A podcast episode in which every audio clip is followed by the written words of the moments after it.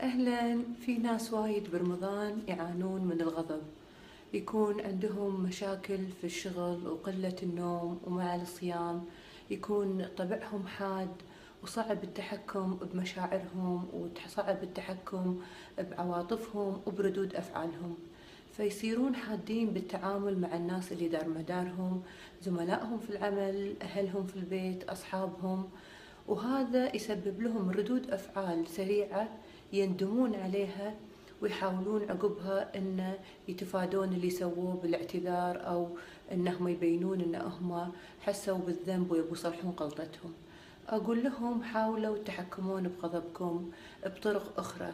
زيدوا ساعات نومكم شيلوا الأشياء اللي تسبب لكم ال stress.